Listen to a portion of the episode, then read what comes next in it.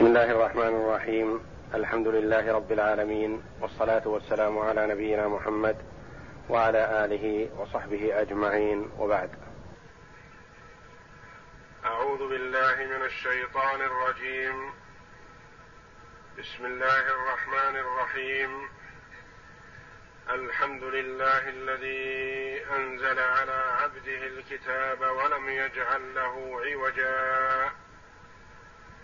قيما لينذر بأسا شديدا من لدنه ويبشر المؤمنين الذين يعملون الصالحات أن لهم أجرا حسنا ماكثين فيه أبدا.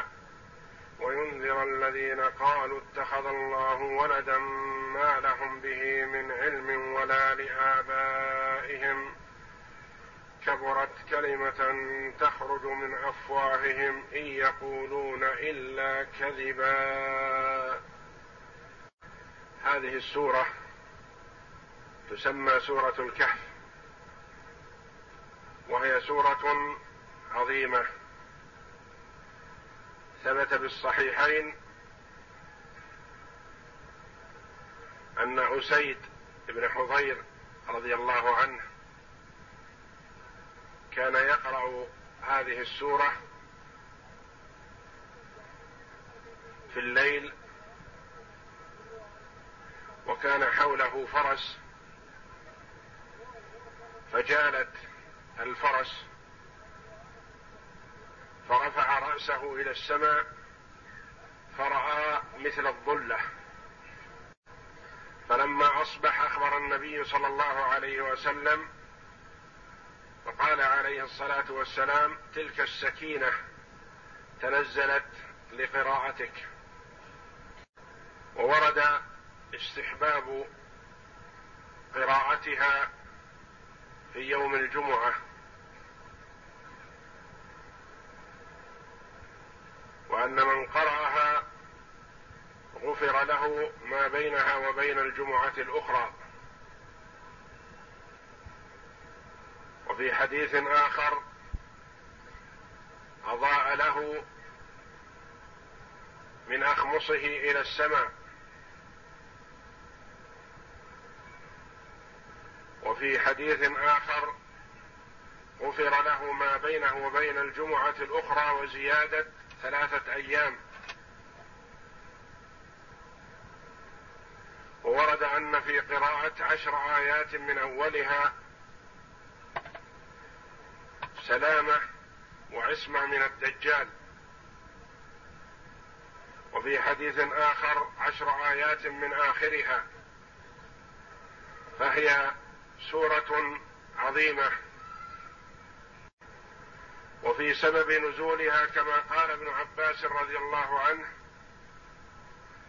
بعثت قريش النضر بن الحارث وعقبة بن أبي معيط إلى أحبار يهود بالمدينة فقالوا لهم سلوهم عن محمد وصفوا لهم صفته وأخبروهم بقوله فإنهم أهل كتاب أهل الكتاب الأول وعندهم ما ليس عندنا من علم الأنبياء. فخرج حتى أتيا المدينة فسألوا احبار يهود عن رسول الله صلى الله عليه وسلم ووصفوا لهم أمره وبعض قوله وقال إنكم أهل التوراة وقد جئناكم لتخبرونا عن صاحبنا هذا. قال فقالوا لهم سلوه عن ثلاث نخبركم بهن فإن أخبركم بهن فهو نبي مرسل وإلا فرجل متقول فتروا فيه رأيكم. سلوه عن فتية ذهبوا في الدهر الأول ما كان من أمرهم فإنهم قد كان لهم حديث عجب. وسلوه عن رجل طواف بلغ مشارق الأرض ومغاربها ما كان نبعه وسلوه عن الروح ما هو فإن أخبركم بذلك فهو نبي فاتبعوه. وإن لم يخبركم فإنه رجل متقول فاصنعوا في أمره ما بدا لكم. فأقبل النضر وعقبة حتى قدم على قريش فقال يا معشر قريش قد جئناكم بفصل ما بينكم وبين محمد. قد أمرنا أحبار يهود أن نسأله عن أمور فأخبروهم بها. فجاءوا رسول الله صلى الله عليه وسلم فقالوا يا محمد أخبرنا فسألوه عما أمروهم به. فقال لهم رسول الله صلى الله عليه وسلم أخبركم عما سألتم عنه. أخبركم غدا عما سألتم عنه. ولم يستثني. فانصرفوا عنه ومكث رسول الله صلى الله عليه وسلم خمس عشرة ليلة لا يحدث الله له في ذلك وحيا ولا يأتيه جبريل عليه السلام حتى أرجف أهل مكة وقالوا وعدنا محمد غدا واليوم خمس عشرة ليلة. قد أصبحنا فيها لا يخبرنا بشيء عما سألناه عنه. وحتى حزن رسول الله صلى الله عليه وسلم مكث الوحي عنه وشق عليه ما يتكلم به أهل مكة ثم جاءه جبريل عليه السلام من الله عز وجل بسورة أصحاب الكهف فيما فيها وفيها معاتبته إياه على حزنه عليهم وخبر ما سألوه عنه من أمر الفتية والرجل الطواف. وقول الله عز وجل ويسألونك عن الروح قل الروح من أمر ربي الآية. هذا الخبر عن ابن عباس رضي الله عنه يبين لنا سبب نزول هذه السورة. سؤال من كفار قريش للنبي صلى الله عليه وسلم. ولما قال عليه الصلاة والسلام أخبركم غدا ولم يستثني تأخر عنه الجواب خمس عشرة ليلة. وأنزل الله جل وعلا عليه في هذه السورة ولا تقولن لشيء إني فاعل ذلك غدا إلا أن يشاء الله. فأمره الله جل وعلا أن يعلق ما يعد به على مشيئة الله جل وعلا. إن شاء الله حصل وإن لم يشأ الله فلا يحصل.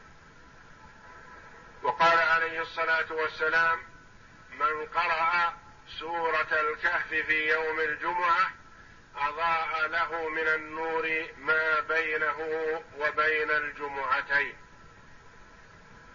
وقال من قرأ سورة الكهف كما نزلت كانت له نورا يوم القيامة. فهي سورة عظيمة يستحب قراءتها في يوم الجمعة. كما ورد الاستحباب استحباب قراءتها عند قراءة خمس آيات من آخرها عند النوم. يقول الله جل وعلا الحمد لله الذي أنزل على عبده الكتاب ولم يجعل له عوجا. الحمد لله ثناء على الله جل وعلا بما هو أهله فهو جل وعلا يحمد نفسه لأنه هو المستحق للحمد جل وعلا. ويعلم عباده بذلك ليحمدوه وليؤمنوا بأنه هو المستحق للحمد. فيحمد نفسه جل وعلا عند فواتح الأمور وعند خواتيمها وهو المحمود جل وعلا على كل حال له الحمد في الأولى والآخرة. فحمد نفسه جل وعلا على إنزاله كتابه العزيز على عبده ورسوله محمد صلى الله عليه وسلم. وذلك أن في إنزال هذا الكتاب سعادة العباد في الدنيا والآخرة. به تعرف العباد على توحيد الله جل وعلا وطاعته. تعرفوا على أفعاله جل وعلا. تعرفوا على أسمائه وصفاته.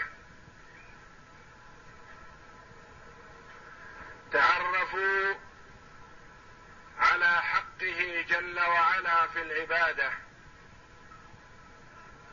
تعرفوا على أحوال يوم القيامة. وما وعد الله جل وعلا به من أطاعه. وما توعد به من عصاه. تعرفوا على حقوق العباد فيما بينهم. على حقوق الوالدين على الأولاد. على حقوق الأولاد على الوالدين. على حقوق الأخوة والأخوات والأقارب. على حقوق الجيران. على حقوق المسلمين عموما على حقوق الكفار.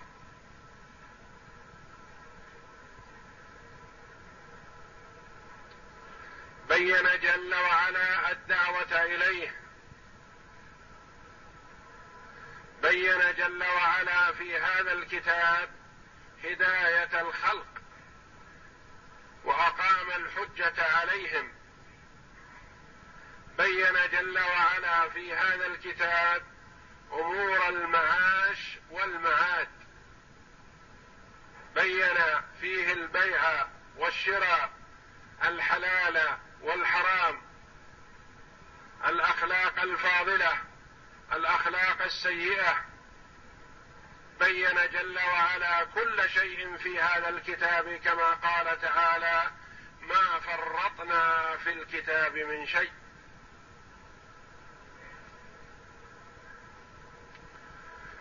فلذا حمد الله جل وعلا نفسه ليحمده الخلق ليحمده العباد على تفضله وإحسانه وهو المستحق للحمد. فقال الحمد لله. ال هذه للاستغراق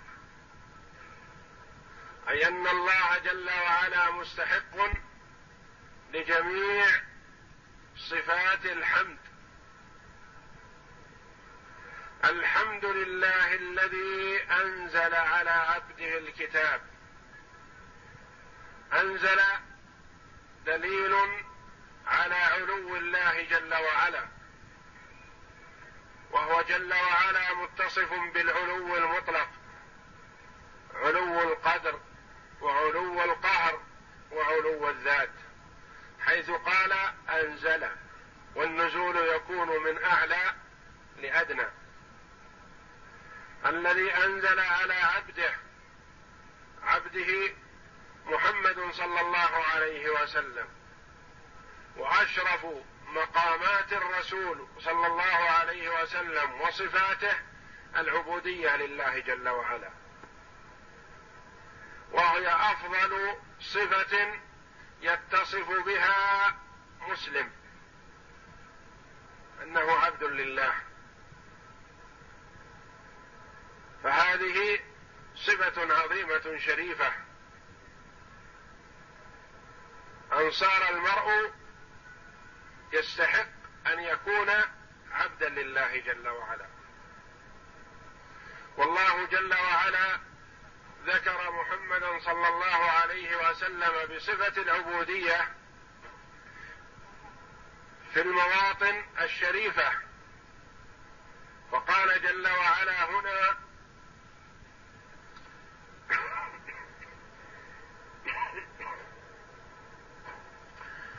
الحمد لله الذي أنزل على عبده الكتاب. وقال جل وعلا كما تقدم قريبا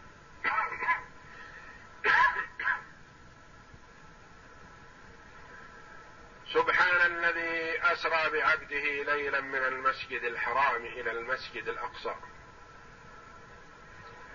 وقال جل وعلا وأنه لما قام عبد الله يدعوه كادوا يكونون عليه لبدا. أنزل على عبده الكتاب. ما المراد بهذا الكتاب؟ هو القرآن. ولم يجعل له عوجا. لا اعوجاج فيه. ولا ميل. ولا خلل. ولا نقص. ولا اختلاف. بل هو محكم. واشتمل على بيان الأحكام والشرائع والعبادات. بيانا واضحا اما مفصلا واما مجملا وبينت السنة الشريفه هذا الاجمال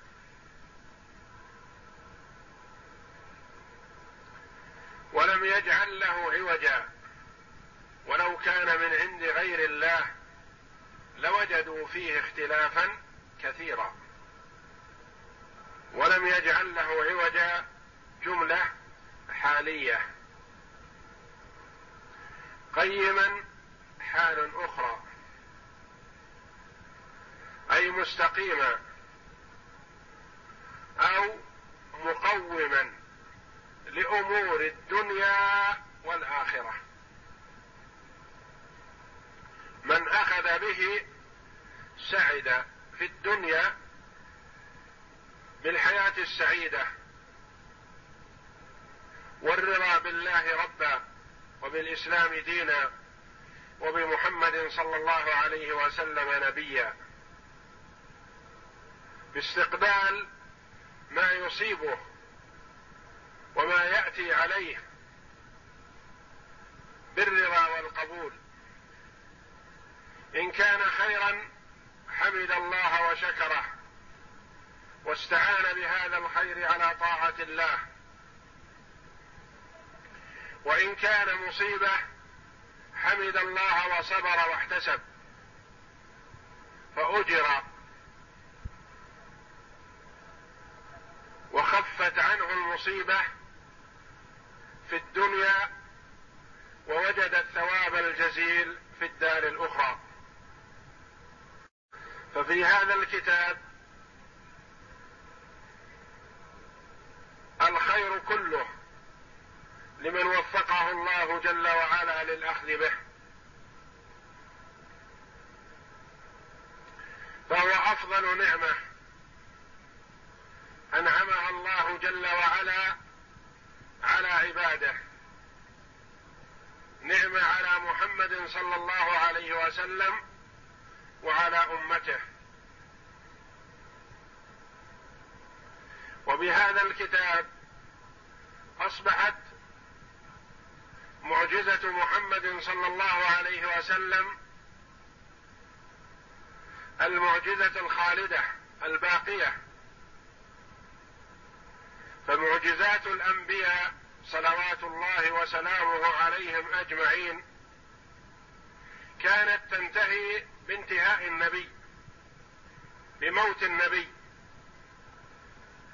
ومعجزة محمد صلى الله عليه وسلم باقية إلى أن يرث الله الأرض ومن عليها.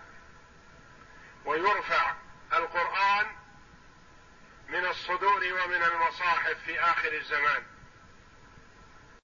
لحق رسول الله صلى الله عليه وسلم بالرفيق الأعلى بعدما أتم الله النعمة بإتمام الكتاب العزيز.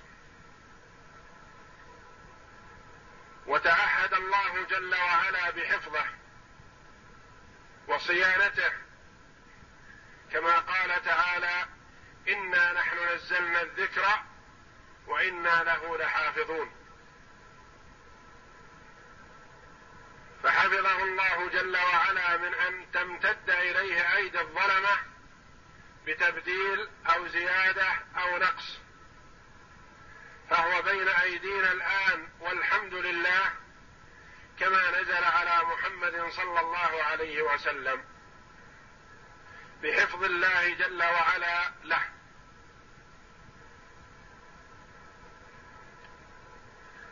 قيما لينذر بأسا شديدا من لدنه.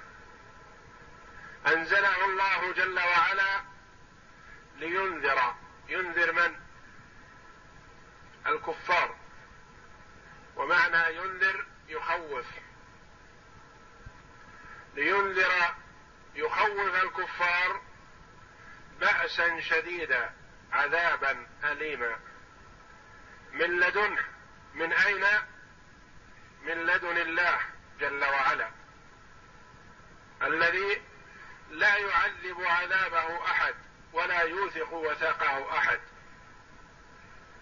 إن لدينا أنكالا وجحيما وطعاما ذا غصة وعذابا أليما. بأسا شديدا من لدنه فهذا العذاب الشديد من لدن الله جل وعلا القادر العظيم. الذي إذا أراد شيئا إنما يقول له كن فيكون. ويبشر المؤمنين الذين يعملون الصالحات أن لهم اجرا حسنا. في القرآن النذارة وفيه البشارة.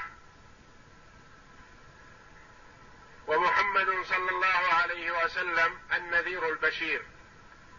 والقرآن نذير وبشير. يبشر من يخبر المؤمنين الذين جمعوا بين إيمان القلوب وعمل الصالحات بالجوارح. فلا بد منهما معا.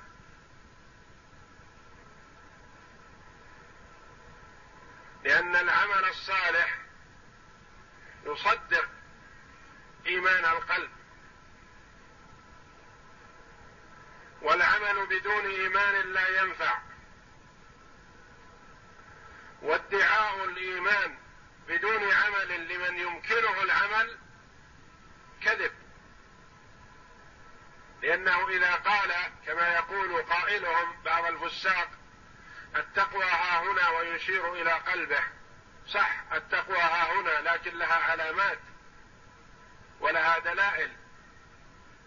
أما قولك التقوى ها هنا هذا ادعاء فلا بد من بينة. ما هي البينة؟ العمل الصالح. إذا أتيت بالعمل الصالح فهذا دليل على أن في قلبك تقوى. وإذا لم تأتي فهذا مجرد ادعاء. ومجرد الادعاء لا يفيد صاحبه.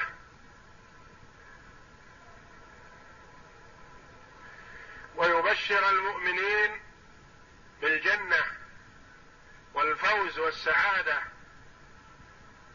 من هم الذين يعملون الصالحات؟ يأتون بالأعمال الصالحة التي يحبها الله جل وعلا وأمر بها ورغب فيها.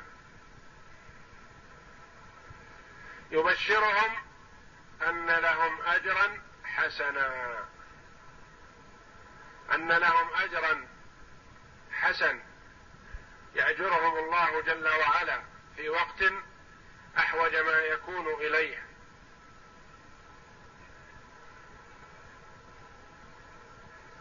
في عرصات القيامة يكون المرء أحوج ما يكون إلى العمل الصالح. فإن كان قدم عملا صالحا نفعه وأنس به ويأنس به في قبره فإن العمل الصالح يأتي صاحبه في القبر على صورة رجل حسن الوجه حسن الثياب طيب الريح فيبشره بالخير ويقول أبشر بما يسرك. فيقول من أنت؟ فوجهك الذي الوجه الذي يأتي بالخير فيقول أنا عملك الصالح. يجسده الله جل وعلا مونسا لصاحبه في القبر. والعمل السيء والعياذ بالله بعكس ذلك.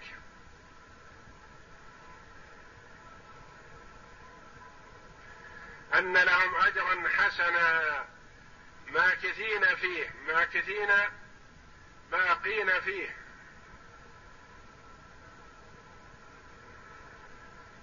باقين فيه ابدا دائما وابدا. وذلك أن نعيم الجنة مستمر دائما لا يفنى.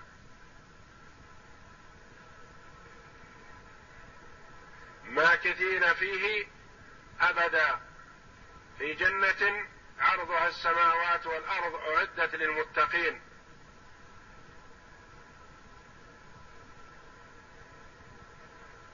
وكما ذكر الله جل وعلا ما أعد لأهل الجنة إن للمتقين مفازا حدائق وأعنابا وكواعب أترابا وكأسا دهاقا لا يسمعون فيها لغوا ولا كذابا. جزاء من ربك عطاء حسابا. وما ذكره الله جل وعلا مما أعده لعباده المؤمنين في الجنة في ايات كثيرة من القرآن يبشرهم الله جل وعلا بذلك.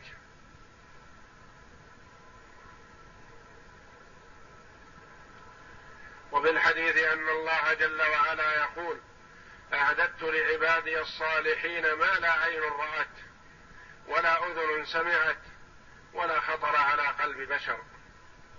مهما تصور الإنسان نعيم الجنة فإنه لا يدركه. فوق ما يتصور. ماكثين فيه أبدا. وينذر الذين قالوا اتخذ الله ولدا. ينذر يخوف نوع من الكفار السابقين. الإنذار الأول لعموم الكفار والإنذار هذا لنوع من أنواع الكفار أتوا بفرية عظيمة. أتوا بما تكاد السماوات يتفطرن منه وتنشق الأرض من زعم الكفار أن لله ولدا. وما ينبغي له جل وعلا أن يتخذ ولدا إن كل من في السماوات والأرض إلا آتي الرحمن عبدا. لقد أحصاهم وعدهم عدا. وينذر الذين قالوا اتخذ الله ولدا.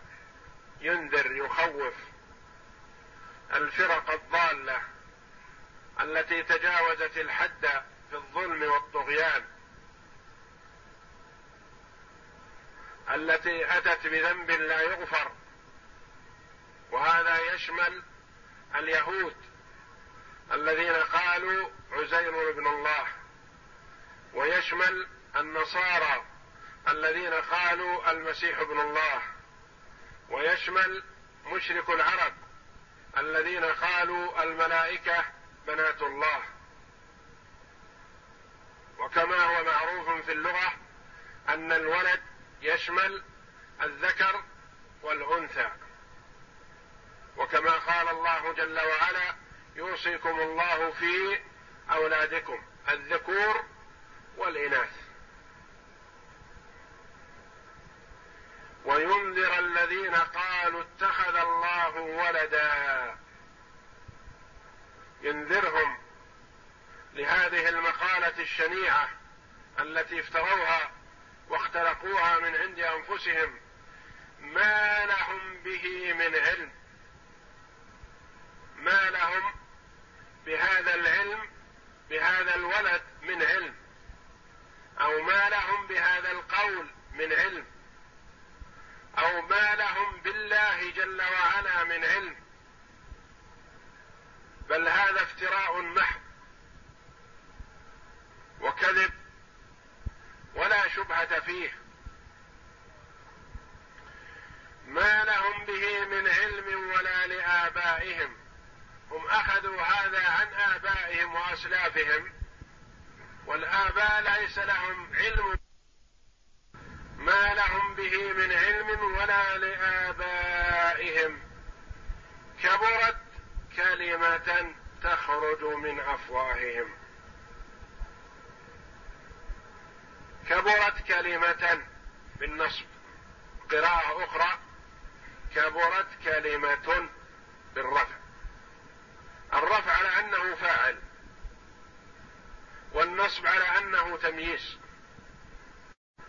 تمييز للفاعل المحذوف المفهوم من السياق. كبرت مقالتهم أو كبر قولهم. كلمة تخرج من أفواههم. يعني هذه الكلمة كلمة في الأفواه. افتراء فقط وإلا فليس لهذا القول حقيقة وليس له شبهة.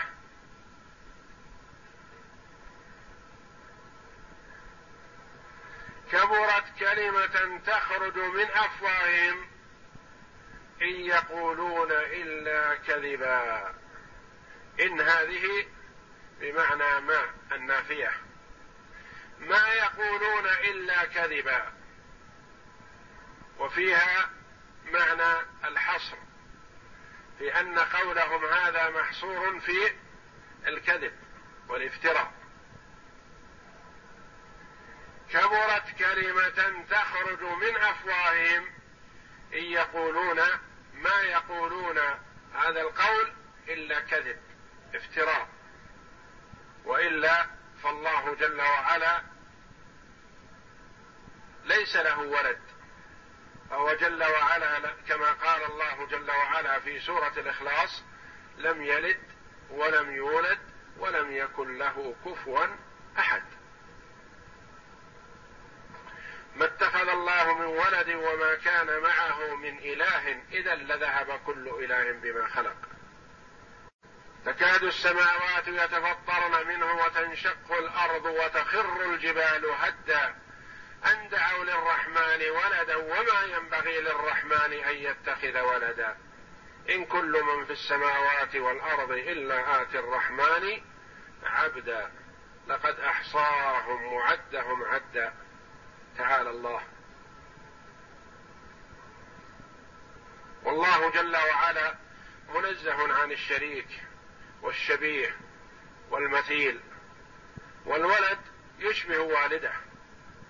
فيه مشابهة. والله جل وعلا منزه عن ذلك. فهو كما وصف نفسه في سورة الإخلاص التي تعدل ثلث القرآن لم يلد ولم يولد ولم يكن له كفوا أحد. فالله جل وعلا في هذه الآيات الكريمة يحمد نفسه وهو أهل الحمد والثناء على تفضله على عباده بأفضل نعمة أنعم بها على عبد وهي إنزال الكتاب الذي فيه الهداية والنور والسعادة في الدنيا والآخرة لمن وفقه الله جل وعلا للأخذ به. وفيه إقامة الحجة على من أعرض عن كتاب الله جل وعلا. فقد قامت عليهم الحجة ولا يحتجون على الله جل وعلا في الدار الآخرة بأنه ما جاءهم من بشير ولا نذير. فالله جل وعلا أرسل الرسل وأنزل الكتب لبيان الشرائع وإقامة الحجة على الخلق واخبر جل وعلا بأن هذا الكتاب ينذر الكفار عموما وينذر خاصة من من زعم أن الله قد اتخذ ولدا وأنه يبشر المؤمنين الذين يعملون الصالحات وأنه لا بد مع الإيمان من العمل الصالح. والعمل الصالح هو ما كان خالصا لوجه الله جل وعلا صوابا على سنة رسول الله صلى الله عليه وسلم. فإذا كان العمل خالصا لوجه الله ولم يكن صوابا وفق السنة فإنه لا ينفع. وإذا كان وفق السنة ولكنه دخله الرياء والشرك فإنه لا ينفع. وإنما لا بد من إخلاص العمل والمتابعة للرسول صلى الله عليه وسلم. يبشر هذا الكتاب المؤمنين الذين يعملون الصالحات أن لهم اجرا حسنا ماكثين فيه أبدا مستمرين فيه دائما وأبدا. ثم ذم جل وعلا من زعم أن لله ولدا وأخبر أن هذه فريه افتروها لم يأتهم بها خبر ولم ينزل عليهم بها كتاب فهو مجرد افتراء محض وهو أعظم أنواع الافتراء وأبشعه حيث افتروا وزعموا أن الله جل وعلا اتخذ ولدا وما ينبغي له أن يتخذ ولدا. والله أعلم وصلى الله وسلم وبارك على عبده ورسول نبينا محمد وعلى آله وصحبه أجمعين.